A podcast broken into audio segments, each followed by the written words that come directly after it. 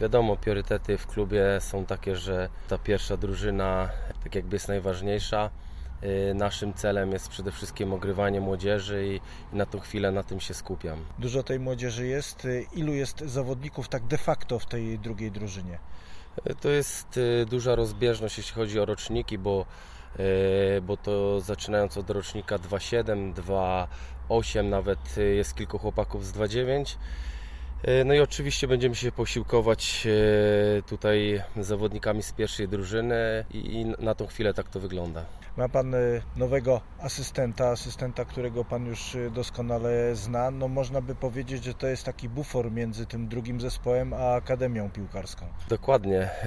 Ba- Bardzo mi zależało na asystencie z akademii. Sam jeszcze niedawno pełniłem rolę asystenta. Wiem, jak kluczowa to jest rola. Może nie- niedoceniana, ale bardzo kluczowa w kontekście budowania zespołu. Są zaplanowane jakieś sparingi? Tak, już jesteśmy po dwóch y, grach kontrolnych. Y, 2-0 przegraliśmy z Meprozetem Stare Kurowo, 3-3 z Celozą Kostrzyn. Jeszcze przed nami y, trzy sparingi y, z Drezdenkiem, y, ze Stalą Sulęcin i na koniec Dom Dębno.